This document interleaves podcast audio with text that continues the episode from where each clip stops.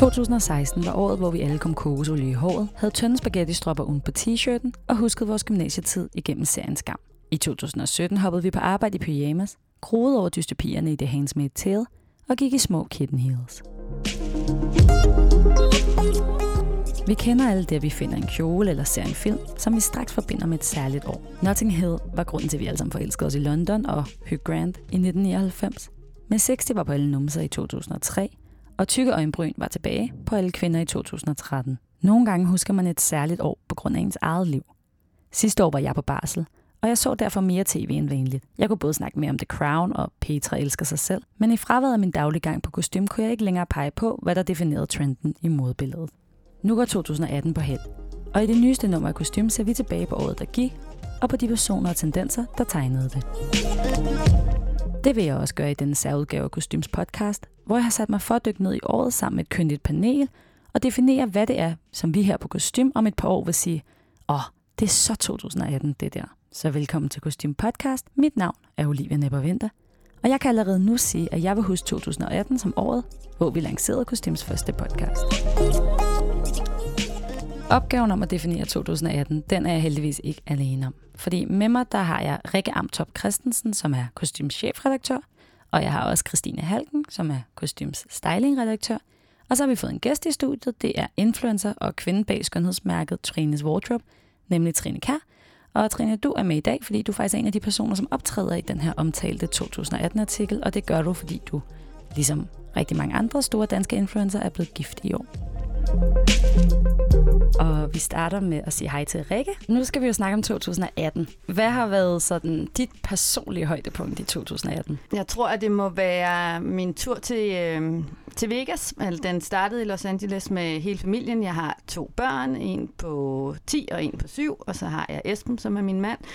Og vi skulle øh, på ferie til LA, og øh, midt i det hele, under øh, planlægningen, så kommer min allerældste veninde, og vi snakker helt tilbage fra 4. klasse, tror jeg, og siger, at hende og hendes kæreste Jakob har besluttet sig for at blive gift i Vegas. Og vi kommer til Vegas, vi er der lidt før de er der. De ankommer i en klassisk limousine. Mm. Øh, vi står ude foran et lille bitte kapel, som det vel hedder derovre, øh, banket op midt på The Strip, og... Øh, ser flere brudepar i de små 10 minutter gå ind og ud, og vi tænker, at det her det kommer ikke til at tage lang tid. Det gjorde det heller ikke, men vi kom ind, min veninde så fuldstændig forrygende ud øh, i sin lille hvide paljetkjole, som jo passer til Vegas-style. Og øh, så kom Elvis, han så lige så forrygende ud, øh, fyldt med glimtende stene og ringe og en flot ryg. Og så gik de ellers bare i gang med at synge I'm the devil in the sky. Og Pia og Jacob gav den fuldstændig gas. Det var, øh, det var skide sjovt, og det var lige dem. Altså Elvis, det var ikke ham, hun blev gift med? Altså, det kunne man så godt være lidt i tvivl om, men nej, det var Jakob for hende. Det var det, vil jeg sige. Nå, vi har også vi har et par flere med i studiet. Vi har også Christine Halken med, og dit sådan personlige højdepunkt fra 2018, hvad er det? Jamen, det må være, at jeg fandt ud af, at jeg var gravid. Øh, men ikke nok med det, så var jeg gravid med tvillinger. Dejligt. Øhm, ja. Og hvornår skal tvillingerne komme til verden? Jamen, altså forhåbentlig en gang i, øh, i midten af april. Måske lidt før, men øh, ja, to piger. To piger så der bliver nok at lave. Ja. ja. og øh, det ved vores tredje gæst godt, som hedder Trine, og jeg går næsten ud fra, at dit personlige højdepunkt har været dit bryllup. Ja, det ville næsten være ærgerligt, hvis det ikke var, ikke? Øhm, jo, det var 100% årets højdepunkt. Altså, det har været meget et familieår for mig, fordi jeg har været på barsel. Jeg var ikke rigtig på barsel, men jeg var på sådan noget halvtidsbarsel, fordi jeg er selvstændig. Og det var jeg indtil maj kom vores lille pige i vuggestue. Og så blev vi gift i september, så det har været meget sådan et et familieår øhm, for kavamurerne, som vi kalder os. øhm, så ja, det har 100% været højdepunktet. Altså, jeg havde ikke kunne forestille mig, at det skulle være så vanvittigt at blive gift, som det, som det egentlig var, fordi vi har været kærester i mange år. Men det var, det var en helt overvældende dag. Så det var, jeg, jeg anbefaler til alle at blive gift. Ja, så har vi lige fået præsenteret jer og fået hørt om jeres 2018. Så synes jeg, vi skal komme i gang med at prøve at definere 2018 som, som et år. Og en af de ting, som I alle tre har nævnt, det er, at 2018 har været et rigtig godt år for dansk mode. Og blandt andet fordi, at Københavns mode virkelig fik meget opmærksomhed, men også fordi der er nogle danske brand, der virkelig har markeret sig i udlandet. Hvorfor tror du, Rikke, at vi ser dansk mode så meget i udlandet lige nu? Jeg tror helt klart, at øh, det selvfølgelig har noget med, at de, øh, vi har nogle virkelig, virkelig dygtige designere i Danmark, og vi har jo altid været kendt for at have en stor designer, både på arkitektur, men også på møbler og på design inden for mode. Men så tror jeg bestemt også, at sådan nogle øh, flotte typer som Trine, der står her ved siden af mig, har haft noget med det at gøre.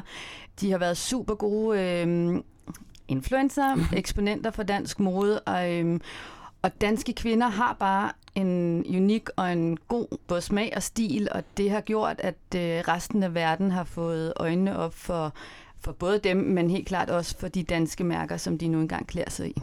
Og, og hvad er det for nogle danske mærker, vi især sådan, har set i år markere sig? Øhm, altså hvis vi skal se bort fra Ganni, som jo har... Øh, og som vi jo også har diskuteret på redaktionen, da vi lavede det her, men er det Gannis år i år? Og ja, det er det 100%, men det var det bestemt også sidste år.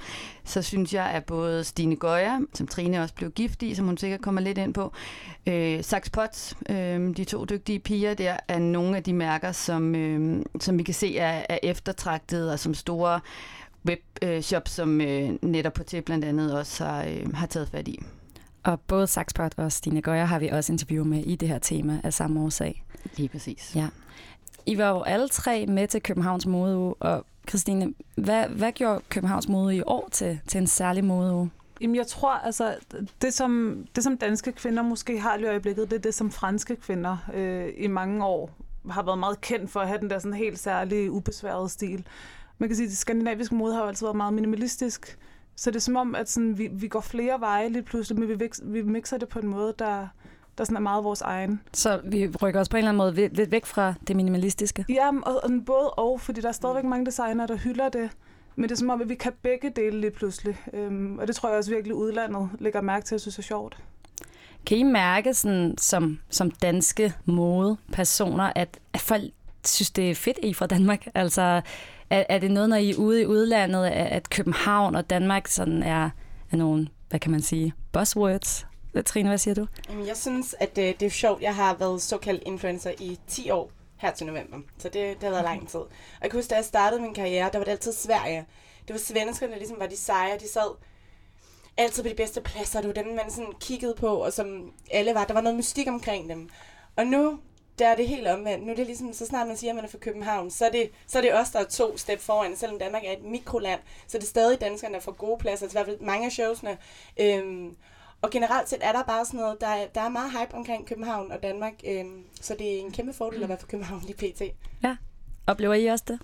Øhm, ja, helt klart, men jeg tror selvfølgelig, og nu er vi også et modemagasin, og vi er også meget stolte af den danske mode, men jeg tror heller ikke, at vi skal glemme, at København også er blevet enormt populært på grund af vi har nogle ekstremt gode kokke herhjemme, øhm, og vi har den mentalitet, vi har, at du kan rent faktisk gå på arbejde, du kan have et liv ved siden af, og så er stilen jo selvfølgelig også super vigtig. Men det er jo også noget med, at den stil er, er ret kommersiel, altså det er meget let tilgængeligt, og så tror jeg, at noget af det, som mange også kigger på, det er, at, at det er praktisk. Nu var Rikke også lige inde på det med, at vi arbejder, altså kvinder i Danmark, vi arbejder, og vi skal kunne direkte fra arbejde, skulle gå ud og få cocktails og så videre, så vi er super praktiske i vores stil, og det tror jeg er noget, som appellerer til, til mange i og hele cykler. verden. Vi cykler, ja. Altså, vi henter børn, og vi, vi kører ikke, så det, det er de færreste danske kvinder, der ligesom går rundt i stiletter til hverdag, fordi vi skal kunne komme rundt omkring.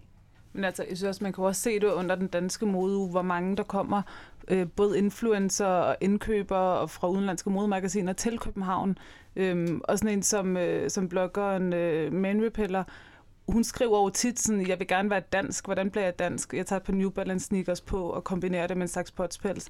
Det er virkelig blevet sådan, det der med at klæde sig dansk er blevet en ting, som, som man rigtig gerne vil i udlandet og stræber efter. Men København er jo ikke den eneste by, der holder modeuge.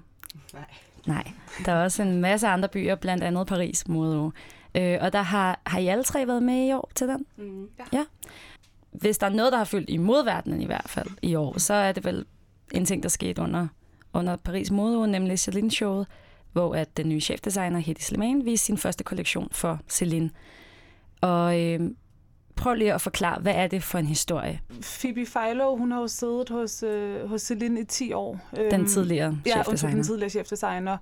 Og, og fra hun kom til... Altså, jeg, jeg sad faktisk og læste i morges... Øh, New York Times skrev, jeg tror det var hendes første kollektion, hun præsenterede for Celine, hvor de skrev noget af, altså Celine, eller hvad hedder det, Phoebe Philo, hun laver bare pænt tøj, man gerne vil gå i. Øhm, og sådan har det jo været hele vejen igennem. Altså hun, hun gjorde sådan en maskulin elegance til noget, som, som alle kvinder gerne ville klæde sig i, og hun gjorde det jamen, hun, hun gjorde hverdagstøj sådan elegant og tog det op til et helt nyt niveau. Og pludselig så gik man i herrebukser og cashmere-strik, og så hun kom jo også ud efter et show i Stan Smith, og pludselig skulle alle have Stan Smith øh, af det der sneakers på. Så det var som om, at hun, det var sådan en helt ny måde, som kvinder kunne, kunne øh, gå klædt på, som både var lidt maskulin, men ikke for maskulin, og det var bare sådan, det var lækkert og, og ubesværet. Og så kommer Hedi Sleman til, og han har bare en helt anden æstetik. Han har dyrket hos, øh, hos både Dior og hos Saint Laurent en meget øh, androgyn øh, stil, meget, meget tynde modeller, meget unge modeller, øh, små 80'er kjoler. Og, og det, har bare, det var bare noget helt andet. Så jeg tror, at der var rammeskrig i modebranchen og på sociale medier. Og jeg tror også, det, det er jo stilen, fordi man kan sige en ting, at man kommer til at savne hende som designer, men det var stilen, som alle elskede, som man virkelig kommer til at savne. Og, og hvordan tog det her ramaskrig sig ud? Mm, Rikke, du var også i Paris på det tidspunkt. Øhm, ja, jeg var, det var jeg. Øhm, det var lidt det, man fokuserede på, øhm, og det var ligegyldigt, hvem jeg snakkede med, om jeg sad i en taxa fra show til show, eller jeg sad på en fotoscafé, eller vi sad og ventede på, at et andet show skulle gå i gang. Så var det ligesom, nu var det ikke, åh oh, gud, det regner, eller solen skinner, nu var det virkelig, wow. Øhm, og det var vildt, og det som Christine var inde på, det var vildt, fordi det var så drastisk, som det var, og jeg tror ikke, der var nogen, der havde forventet, at han ville lave en ny Celine, og det skal han heller ikke, og det er heller ikke derfor, han er blevet hævet ind. Der tror jeg bare, havde forventet en lille smule udvikling i forhold til, hvad han lavede hos Saint Laurent, fordi det var nærmest en til en, man kunne, øh, man kunne se. Og igen, modellerne, så tag lige et andet modelvalg, i stedet for, at de skal være tynde. Så gå lidt tilbage. Altså, man kan sige ligesom da Alexandro Michel kom ind og lavede Gucci, der lavede han også et helt andet Gucci, end Tom Ford gjorde, som var, jeg vil sige, det var sidste gang Gucci var på alle slæber, nu fik han det på alle slæber igen og tog en fuldstændig omvendt drejning. Men han gjorde det alligevel på en måde, som man ikke havde forventet, og jeg tror, hvis Slimane havde kommet ind og gjort det, så havde man nok alligevel haft en lidt større respekt for det, han lavede, og så kan man jo sige, nu er vi ikke pengemændene bag det her, fordi der sidder selvfølgelig nogen, der har set, hvordan han har tredoblet salget, og især tasker og sådan noget over hos, øh, hos Saint Laurent. Men jeg synes stadigvæk, at man skal have en vis respekt for, øh, for husets øh, DNA og, og historie. Tror du, de havde regnet med, at at det ville skabe så meget drama, som det gjorde? Mm, nej, det tror jeg absolut ikke. Og, øh, og selv jeg blev en lille smule forarvet til sidst, og var sådan, at nu skal man ikke køre en personlighed på en person, og det var jo lidt det, vi kom ud i til sidst. Og det er jo hans stil, øhm, og det er, hvad det er. Men nej, jeg tror overhovedet ikke, at, at de havde regnet med, at det blev så voldsomt, som det nu engang gjorde. Men, men jeg synes, det var interessant at se, hvor mange, altså både anmeldere, men også øh, influencers osv., som for første gang, i hvert fald hvad jeg har oplevet, gik direkte ud og kritiserede ham. Det har jeg ikke set før, fordi folk er altid lidt bange, også i forhold til, jamen, du ved, vil Celine så ikke arbejde med mig i fremtiden og så videre, hvis man kritiserer det, men jeg synes, det var helt vildt at se, hvordan alle store influencers, øh, store anmeldere, de simpelthen bare havlede det ned. Det har jeg ikke set før på den måde. Øhm, så det var virkelig, det var ikke noget, man kun snakke om på Fortecaféen, det var ligesom også i de trygte medier og, og digitalt, hvilket var ret ekstremt. Øhm, og jeg er nærmest en personlig hets mod ham, men altså, det var heller ikke særlig pænt, så der var heller ikke så meget at gøre ved det. Altså, og der var jo også meget hype omkring ham, fordi han kom og var herredesigner og kom til det her hus. Men, men, men ved Celine, det er bare sådan et, et følelsesmærke. Det er virkelig sådan en, en religion for mange kvinder, øh, Celine. Så det er, det skal man ikke messe med. Mm. Altså det med, at der kommer en, en mand og vælger de der tynde, tynde modeller, det var næsten, altså, hun er jo Phoebe, hun vælger de smukkeste modeller, og også gerne nogle lidt ældre og så videre. Så det var bare den diametrale modsætning af, hvad Celine er. Og jeg tror, det er derfor, folk er blevet så ej, ikke? Men det er også bare det matchet med Celine, som, bare, som er helt galt. Og jeg tror faktisk, jeg tror, han gjorde det, som alle var altså allermest bange for, at han ville gøre. Fuldstændig. Altså ikke, lige præcis som Rikke sagde, ikke lavet noget nyt overhovedet, ikke udviklet videre på Celine. Han gik bare tilbage til at gøre præcis det samme som før. De her unge modeller, som er så tynde, øhm, hvilket han jo virkelig har styrket hos Saint Laurent, og som bare er så umoderne nu.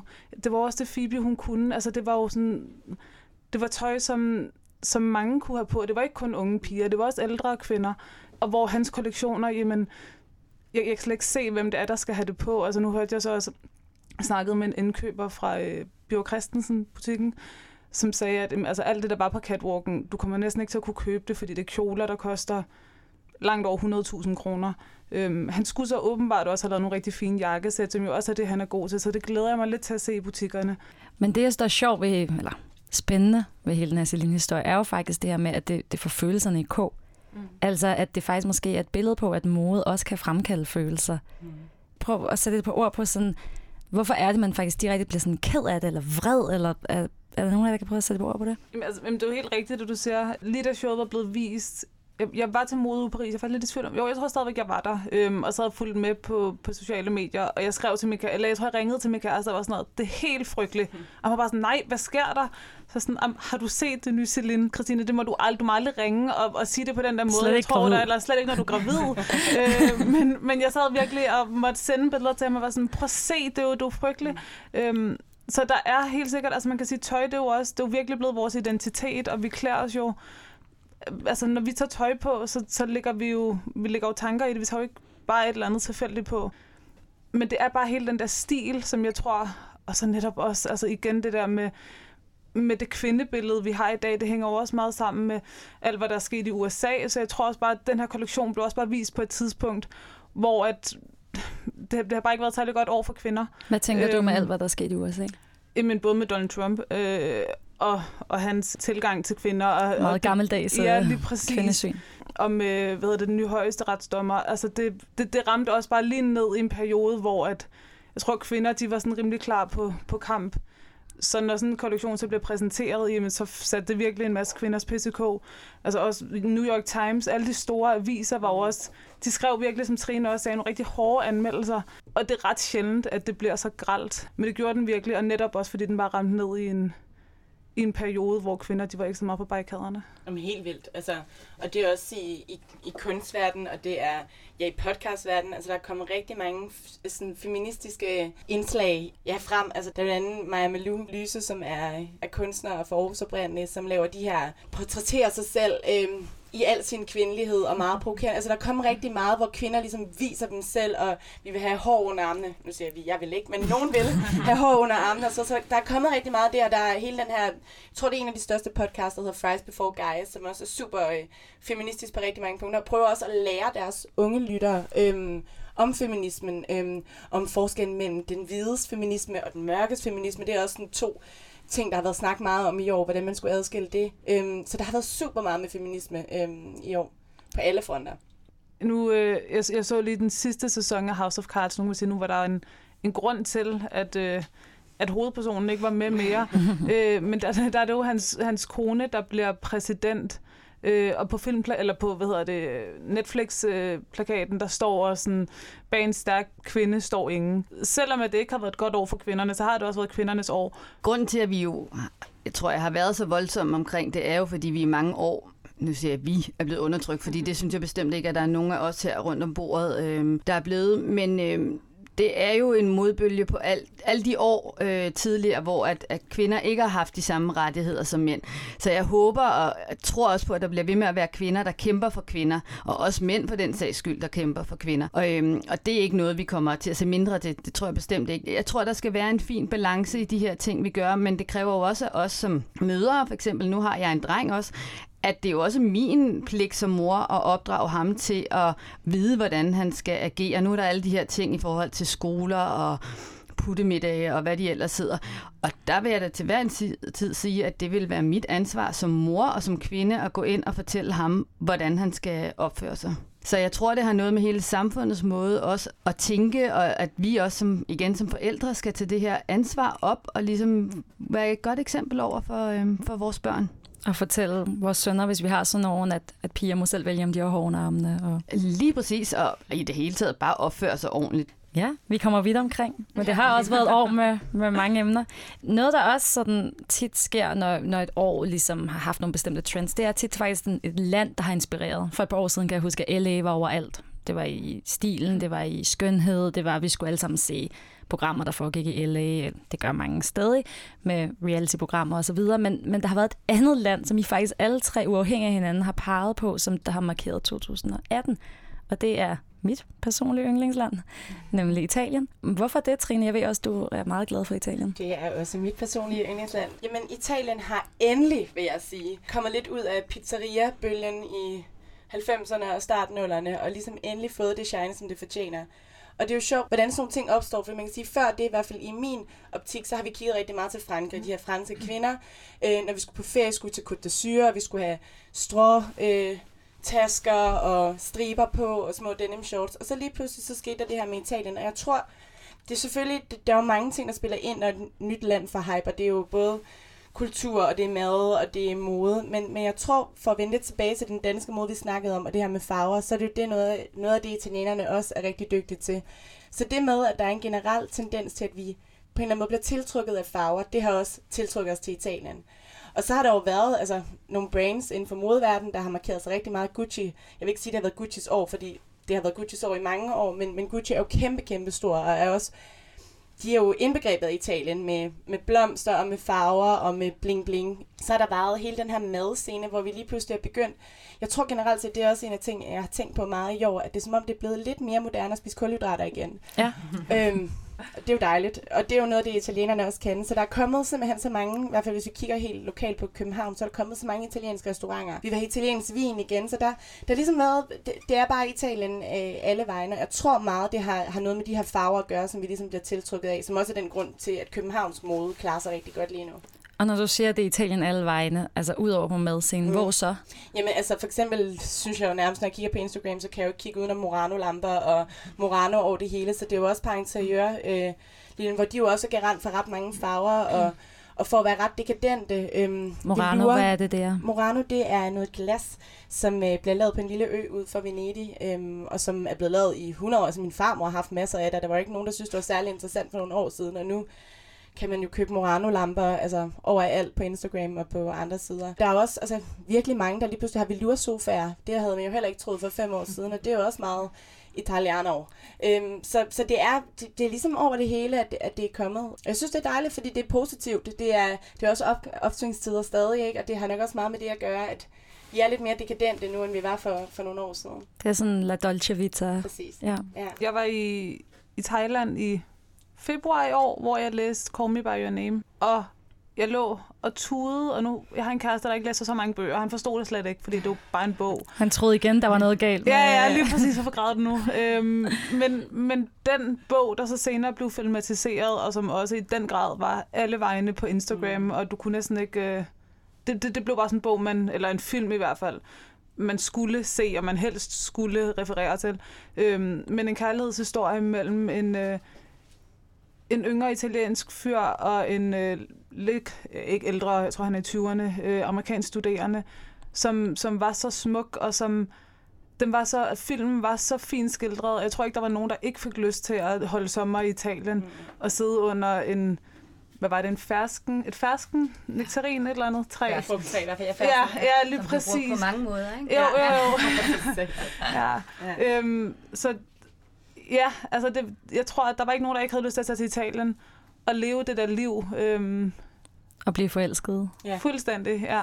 Ej, den var bare vidunderlig hele vejen igennem, og så var den jo også bare, selvfølgelig var det helt præcis et nedlagte hus, eller det der sådan skønne hus, de skulle bo i, så alle omgivelserne indbød jo også bare til, at man havde lyst til at, selvom man er glad for sit job, sige det op og komme derned og, og bo. Men i forhold til, hvorfor vi kigger sådan på Italien, så tror jeg bare, det er meget naturligt, at, at der er ligesom nogle lande, der... Det, det er lidt ligesom mode, det hele er lidt en cirkel, så, så lige pludselig så er det det land, man får... Og, og når et land så markerer sig både med, med god film, god litteratur, øh, flot interiør, god mode, så, så er det meget naturligt. Så har vi også igen, fordi influencer er også en stor del, altså der er nogle rigtig seje italienske kvinder, mm. Som, som markerer sig meget mere, end, end de franske gør pt, som vi jo altid har kigget på. Hvem er det, for eksempel? Der er for eksempel Gilda Ambrosio øh, og, og hendes veninde. Nu griner I alle tre. Ja, men det, det, det er jo noget med det italienske Ja, ja. sprog, ikke? Og der skal lige lidt... Ja, og der er, øh, hvad hedder hun, øh, jamen jeg kan ikke deres navn, men jeg følger dem alle sammen på Instagram, de er alle sammen utrolig smukke. Og de har et eller andet lidt mere, de er lidt mere festlige, lidt mere sjove, lidt mere løsluppende. Øhm, og, og når man er til modeugerne, så ser man tit de her italienske kvinder også komme mange af gangen. Altså der er sådan et, at man vil gerne være en del af dem. Øh, de er ikke så introverte, som, som de franske kvinder er. Men er vi inde i en tid, hvor vi har fokus på, på det livsbrydende og det festlige og, og det optimistiske? Det synes jeg, men det er også, som Christine var inde på før, det er jo, i hvert fald i Danmark er det meget på en eller anden måde lidt kompleks, fordi på, på den ene måde er vi lidt flamboyant og kan godt lide farver og kan godt lide at mix, men på den anden måde har vi også den her minimalistiske arv, som kommer helt tilbage fra vores arkitektur og fra vores... Øh, så, så vi er lidt en en mellemting, og jeg synes faktisk også, at jeg kan se, at Italien måske er lidt på vej ned igen, og vi er lidt mere tilbage til, til det lidt mere minimalistiske igen. Det er jo det med, at det går i ring. Så, så jeg ved ikke, jeg tror, at Italien er 2018, og så er jeg spændt på at se, hvad det bliver i 2019, for jeg tror ikke nødvendigvis, det bliver Italien. Nej, hvad tror du så, det bliver? Mm, jamen, det er jo spændende. Øh, det, altså, det er jo altid, når der ikke er noget bedre, så bliver det altid fremkaldt igen. Øhm, jeg ved det ikke. Øh, forhåbentlig bliver det København endnu mere, så man kigger på, at vi kan holde det i nogle år. Jeg synes, det er svært at sige, for det er jo heller ikke en, en, en drastisk overgang ved årsskiftet, men, men jeg tror på, at der kommer lidt mere minimalisme igen, og det er ikke det, italienerne er dygtigst til. Så, øh, som jeg lige sagde til at starte med, da jeg præsenterede dig, Trine, så har kirkeklokkerne virkelig også lyttet på Instagram i år. Sådan mange af de store danske influencer er blevet gift. Emma Let blev gift med kunstneren Tal R, øh, og fik rigtig meget opmærksomhed, mest af alt på grund af sin kæmpe Jacques Mue-hat. Ja. Mm-hmm. øhm, Karoline Bras blev gift med kokken Frederik Billebra, og man, man skulle virkelig være langt væk fra alle sociale medier, hvis man ikke skulle se hende og hendes brudpiger slendre ned ad Nyhavn. Alle sammen iført den danske designer Cecilie Bansen kjoler. Øh, og så blev du gift, og du har fortalt mig, øh, da vi lavede interviewet til, til artiklen, at, at over 200.000 fulgte med i, i dit bryllup. Hvordan var det? Jamen, det tænkte jeg heldigvis overhovedet ikke på på dagen, øh, fordi der havde jeg slet ikke min telefon, da jeg sad dagen efter. Og nu, se, nu, nu vil jeg lige spørge, hvordan, hvordan kan man så følge, hvis du ikke havde din telefon? Jamen, der var jo alle mulige andre, der lagde op. ah. Nej, men jeg lagde et billede op. Det første billede, jeg lagde op, øh, jeg lagde et op lige inden jeg skulle i kirken. Jeg var egentlig ret splittet omkring det, men jeg var sådan, jeg vidste, at alle ville spørge til kjolen, så tænkte så kunne jeg lige så godt lægge et billede op, hvor man ligesom kunne se, at det var Stine Gøjer, der havde lavet den.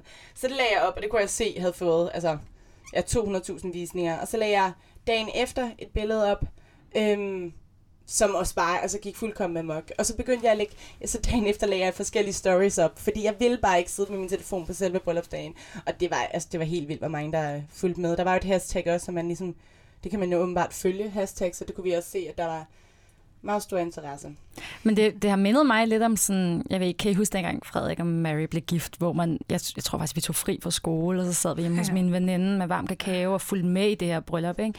Altså det, altså det er sådan de her royale bryllupsting, hvor folk følger med, og man følger med i løbet af dagen, og hvad er det for noget, at vi pludselig sådan følger med i bryllupper på den måde?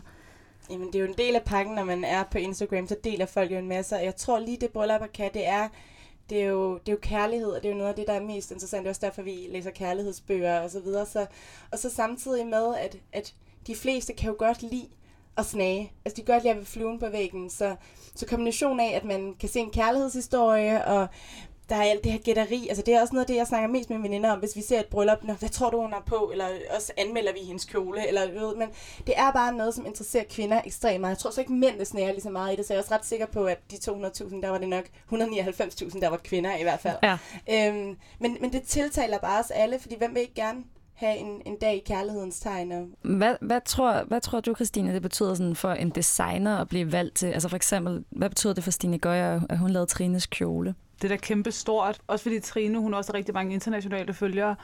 Så jeg kunne da forestille mig, at Stine Gøjer, hun har fået øh, forspørgseler fra rigtig mange, der godt kunne tænke sig en lignende kjole, og det kunne man jo også. Altså, jeg var med til Trines bryllup, og jeg lagde et billede op på Kostymes Instagram, hvor folk jo også gik helt amok, og det fik rigtig, rigtig mange likes, og der var så mange, der skrev, tagget hinanden, og sådan, ej, se den her kjole, præcis en, jeg gerne vil giftes i. Så det er da rigtig stort for Stine Gøjer. Jeg kender også øh, en fotograf, der hedder Rasmus Vend Carlsen, som tog billeder til øh, Karoline Brasches bryllup, og efterfølgende, de kom så op på Vogue, øhm, og efterfølgende har han fået så mange henvendelser fra alle mulige udenlandske typer, der skulle giftes, og rigtig gerne være ham til at tage de her billeder. Men, men er bryllupper nærmest blevet lidt sådan en platform, altså hvor man kan brande sig selv?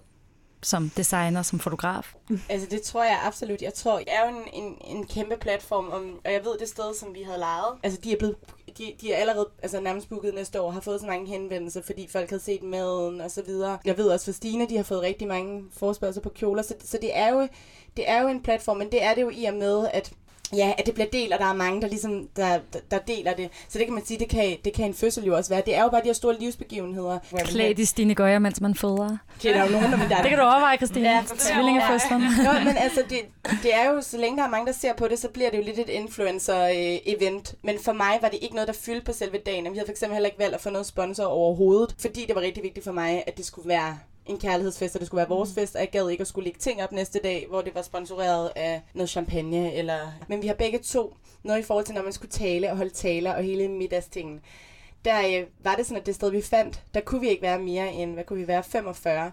Og først da vi fandt, var vi sådan, shit, vi vil gerne være flere, men så fandt vi hurtigt ud af, at det var jo helt perfekt, fordi vi netop så kun havde, altså ikke engang nærmest folk, vi kunne drikke kaffe med, men nærmest folk, som vi ser månedligt. Altså det var virkelig, det var de aller, aller tætteste. Vi havde ikke særlig meget familie med, men de, men de tætteste, og det var en kæmpe lettelse, fordi deroppe, jeg tror nærmest ikke, der blev lagt noget op derfra, måske nogle enkle billeder, men det var virkelig bare sådan quiet, eller det ved jeg ikke, private zone, hvor, hvor alle kunne være helt, jeg havde ikke sko på og rende bare rundt deroppe. Og sådan. Så, så det gjorde, at man kunne slappe rigtig, rigtig godt øhm, af i det. Jeg tror ikke, jeg ville kunne have holdt ud, som nogle af de andre boller har været, men at vi var 200-300 hele dagen, og, og jeg ikke havde haft fred til, til at, at nyde det. Men er det, når man er influencer, er det en ting, som betyder meget det her med hele tiden at skabe de der private zoner også? For mig gør det. Altså, det, folk er jo helt vildt forskellige, og jeg deler faktisk heller ikke særlig meget. Altså, jeg deler noget visuelt, men jeg deler aldrig noget følelsesmæssigt. Hvor meget deler du, Christine, og hvor meget tænker du over det? Altså, jeg deler jo billeder. Jeg deler også meget mit arbejde på Instagram, øh, fordi for mig er det måske også, det er både personligt, men det er også med det professionelle. Det er også mange af de Instagram, jeg følger, og også nogle, hvor jeg finder inspiration til mit arbejde. Men jeg tænker rigtig meget over det nu her, hvor jeg skal have, have børn. Øhm, hvor meget jeg vil give af dem. Og der, der er jo mange, der får børn og lægger en masse billeder op af dem og tagger en masse mærker på dem. Og det tror jeg bare, vi er enige om, at det kommer ikke til at ske, fordi Altså fordi, fordi de har fået gaver? Ja, fra... fordi så er der måske et eller andet børnetøjsmærke, der har givet dem nogle ting, og så bliver de her børn jo små reklamesøjler, og det var ret vigtigt for mig, at det skal mine børn ikke. Fordi det, det er jo privat, og der skal, være sådan en, der skal være en distance, synes jeg. Hvis der sker noget dårligt i mit liv, så deler jeg det heller ikke på Instagram. Man, man bliver jo nok, ja, det ved jeg ikke, om man bliver større, jo mere man deler, men det er jo klart, at jo mere personlighed der er, jo jo større bliver man nok, men for mig så er det bare vigtigt at holde sådan en distance. Altså større, du mener sådan flere på Flere følgere, ja. Flere følgere, ja, ja. ja. Men det er lidt todelt, tror jeg, fordi man kan se, at nogle af de største modeinfluencer er super lidt private. Altså de viser ikke noget som helst, så det kommer også lidt an på. Det er klart, at hvis du gerne vil have sensationsfølgere, mm. øhm, som der er nogen, der er blevet rigtig store på, så kan du gøre det på den måde med for Christine for eksempel, som er æstetiker og mode, der det er det jo ikke det, der vil gøre forskellen. Altså, det tror jeg, det er super vigtigt at huske på sine egne værdier, for man kan lidt blive revet med i hele det her Instagram-loop? Jeg har det sådan lidt, gør hvad du vil. Altså det er jo, det står der jo frit for. Øhm, og jeg tror, at jeg selv havde det sådan, jeg havde en lukket profil, så åbnede jeg den op. Øhm, men, og jeg tænker sådan, åh, burde jeg poste lidt mere? Burde jeg lave nogle flere stories? Øh, og ja, det burde jeg måske, hvis jeg skal bruge det også i et professionelt virke, som Christine siger. Men det ligger ikke særlig naturligt for mig, og jeg gør det, når jeg har lyst til det, og det, øh, det er bare min balance, at jeg, jeg lægger også billeder op af mine børn, hvis jeg synes, det er hyggeligt. Et billede af mig en gang imellem, et billede af, fra redaktionen, men for mig er det ikke en livsstil, men det er heller ikke et job, som det jo er for Trine for eksempel, og der skal jo hele tiden være noget content, og der skal jo hele tiden være en grund til, at folk de følger med. Hos mig er det mere sådan, har du lyst til at følge med, så gør det, men jeg vil ikke føle mig forpligtet til at, at skal lægge noget op.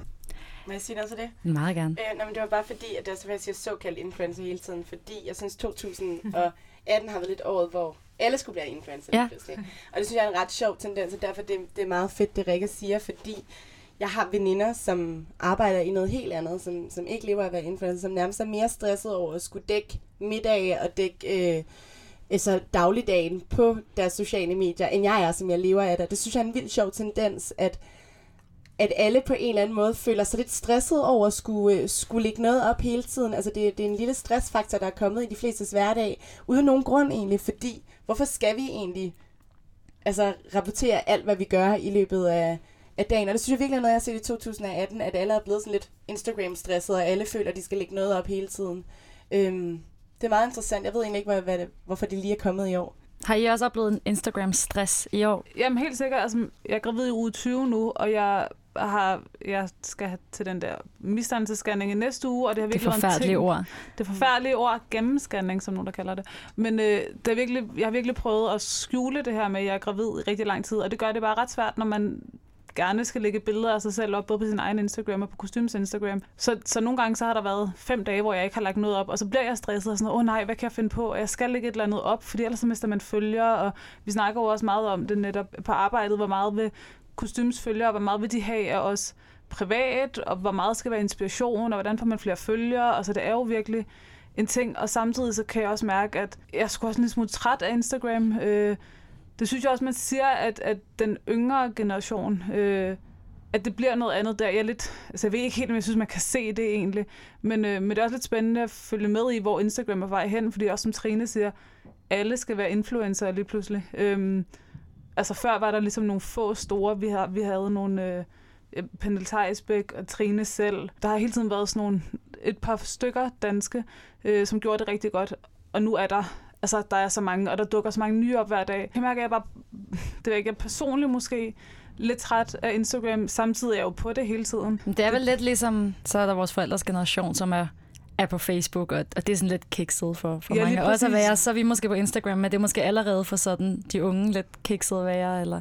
Altså... Jeg, jeg ved det ikke helt. Jeg synes, at, at kloge hoveder bliver ved med at sige, at det lidt går den vej, og man netop også måske lægger telefonen lidt fra sig og hylde nogle andre ting. Øhm, men altså, jeg, jeg ved ikke, om det sker. Vi kan jo mærke, at firmaerne også, som vi samarbejder med, begynder mere og mere at gå ind og se, jamen er det de rigtige mennesker, vi har fat i, øh, kvæg følger og sådan noget. Så det er ikke nok bare at have 30.000 følgere, det skal også være nogen, der Det skal også være de rigtige, mm. øhm, og jeg tror heller ikke, det ved Trine sikkert meget mere om, men at det det betyder ikke så meget, hvor stor du er, men helt klart mere om det er de rigtige i forhold til den målgruppe, du gerne vende, vil ud til. Øhm, men jo, jeg, altså, jeg tror ikke, det forsvinder, men jeg tror, der bliver renset ud i det. Det lyder måske lidt voldsomt, men, øhm, og så tror jeg, at der kommer noget nyt øhm, på et eller andet tidspunkt. Altså, det går jo hurtigt med tek- teknologien, og, og der bliver hele tiden opfundet nye ting. Øhm, og så synes jeg helt klart, at der er en tendens til, at folk, som Christine også var inde på, at man lægger telefonen mere fra sig. Man bruger for meget tid på det, det er jeg fuldstændig enig i, men at man begynder at tænke lidt mere over, at, at din tid er altså meget mere dyrbar, end den var engang, og måske er det ikke, skal du ikke bruge en time i løbet af din dag på at sidde og scrolle igennem Instagram. Måske skal du åbne et blad, gå ud og købe kostume. Rigtig god idé øhm, eller en bog og rent faktisk fordybe dig i noget, og bare lige tage en pause fra, fra hverdagen, eller sætte dem, altså jeg elsker at sidde med mine børn og lave lektier, fordi der har vi ligesom et, et, et lille rum for os selv, og vi koncentrerer os om noget. Fordi jeg har også en dreng på 10, som kunne han få lov til det, så sad han fra en stop om morgenen, til han gik i seng om aftenen med, med sin Nintendo og sin computer. Så jeg, igen, nu kommer jeg lige ind på det her igen med at være mor og ansvar og sådan noget, men det kræver lige så meget for mig, at jeg ikke sidder med min telefon, hvis jeg siger til ham, at han ikke må sidde med sin mm. telefon. Og det håber jeg også selvfølgelig giver en, et naturligt øh, flow i, at den telefon, den skal altså bruges til at, at ringe i og lige sende en sms, og ikke kun til at sidde og, og scrolle på. Okay, altid også. Så hvis jeg nu sådan med jeres bud, og I, I kunne sikkert komme med meget mere, men hvis jeg lige skal opsummere, hvad, hvad 2018 vil stå for som et år, så er det både året, hvor at, at København viste et perfekt mix af minimalisme og farver. Det er også året, hvor at vi så en kampklar modverden med den nye Celine-kollektion og hele Hedy Slimans show, som virkelig fik modverden op på barrikaderne i en måde, vi måske ikke har set i lang tid. Øhm, og hvor vi diskuterede diversitet blandt modeller. Vi diskuterede, hvad er det for et kvindebillede, som, som modverden også er ved at skabe, og vi savnede rigtig meget Phoebe Philo. Og så er det et år, hvor at vi hyldede La Dolce Vita og Italien, både øh, inden for mode, men også inden for kultur og interiør. Og så er det et år, hvor at der var rigtig mange dejlige bryllupper, man kunne følge, men der måske også var begyndt at snige en lille smule Instagram-stress ind over mange, fordi de er bevidste om, at de også ligesom hele tiden skal vise billeder og dele ud af dem selv. Ikke kun dem, der lever af det, men også alle mulige andre. Jamen, øh, så vil jeg gerne sige tak for i dag, og tak til jer tre. Det var en fornøjelse, at I ville komme med ind og hjælpe mig. Og tak til dig, kære lytter, fordi du lyttede med til den her særudgave af Kostyms podcast. Rigtig godt nytår. I redaktionen, der sidder Marie Hvidø og jeg selv. Jeg hedder Olivia Nepper Vinter, og Sherpa har lavet musikken. Vi lyttes ved. thank you Thank you.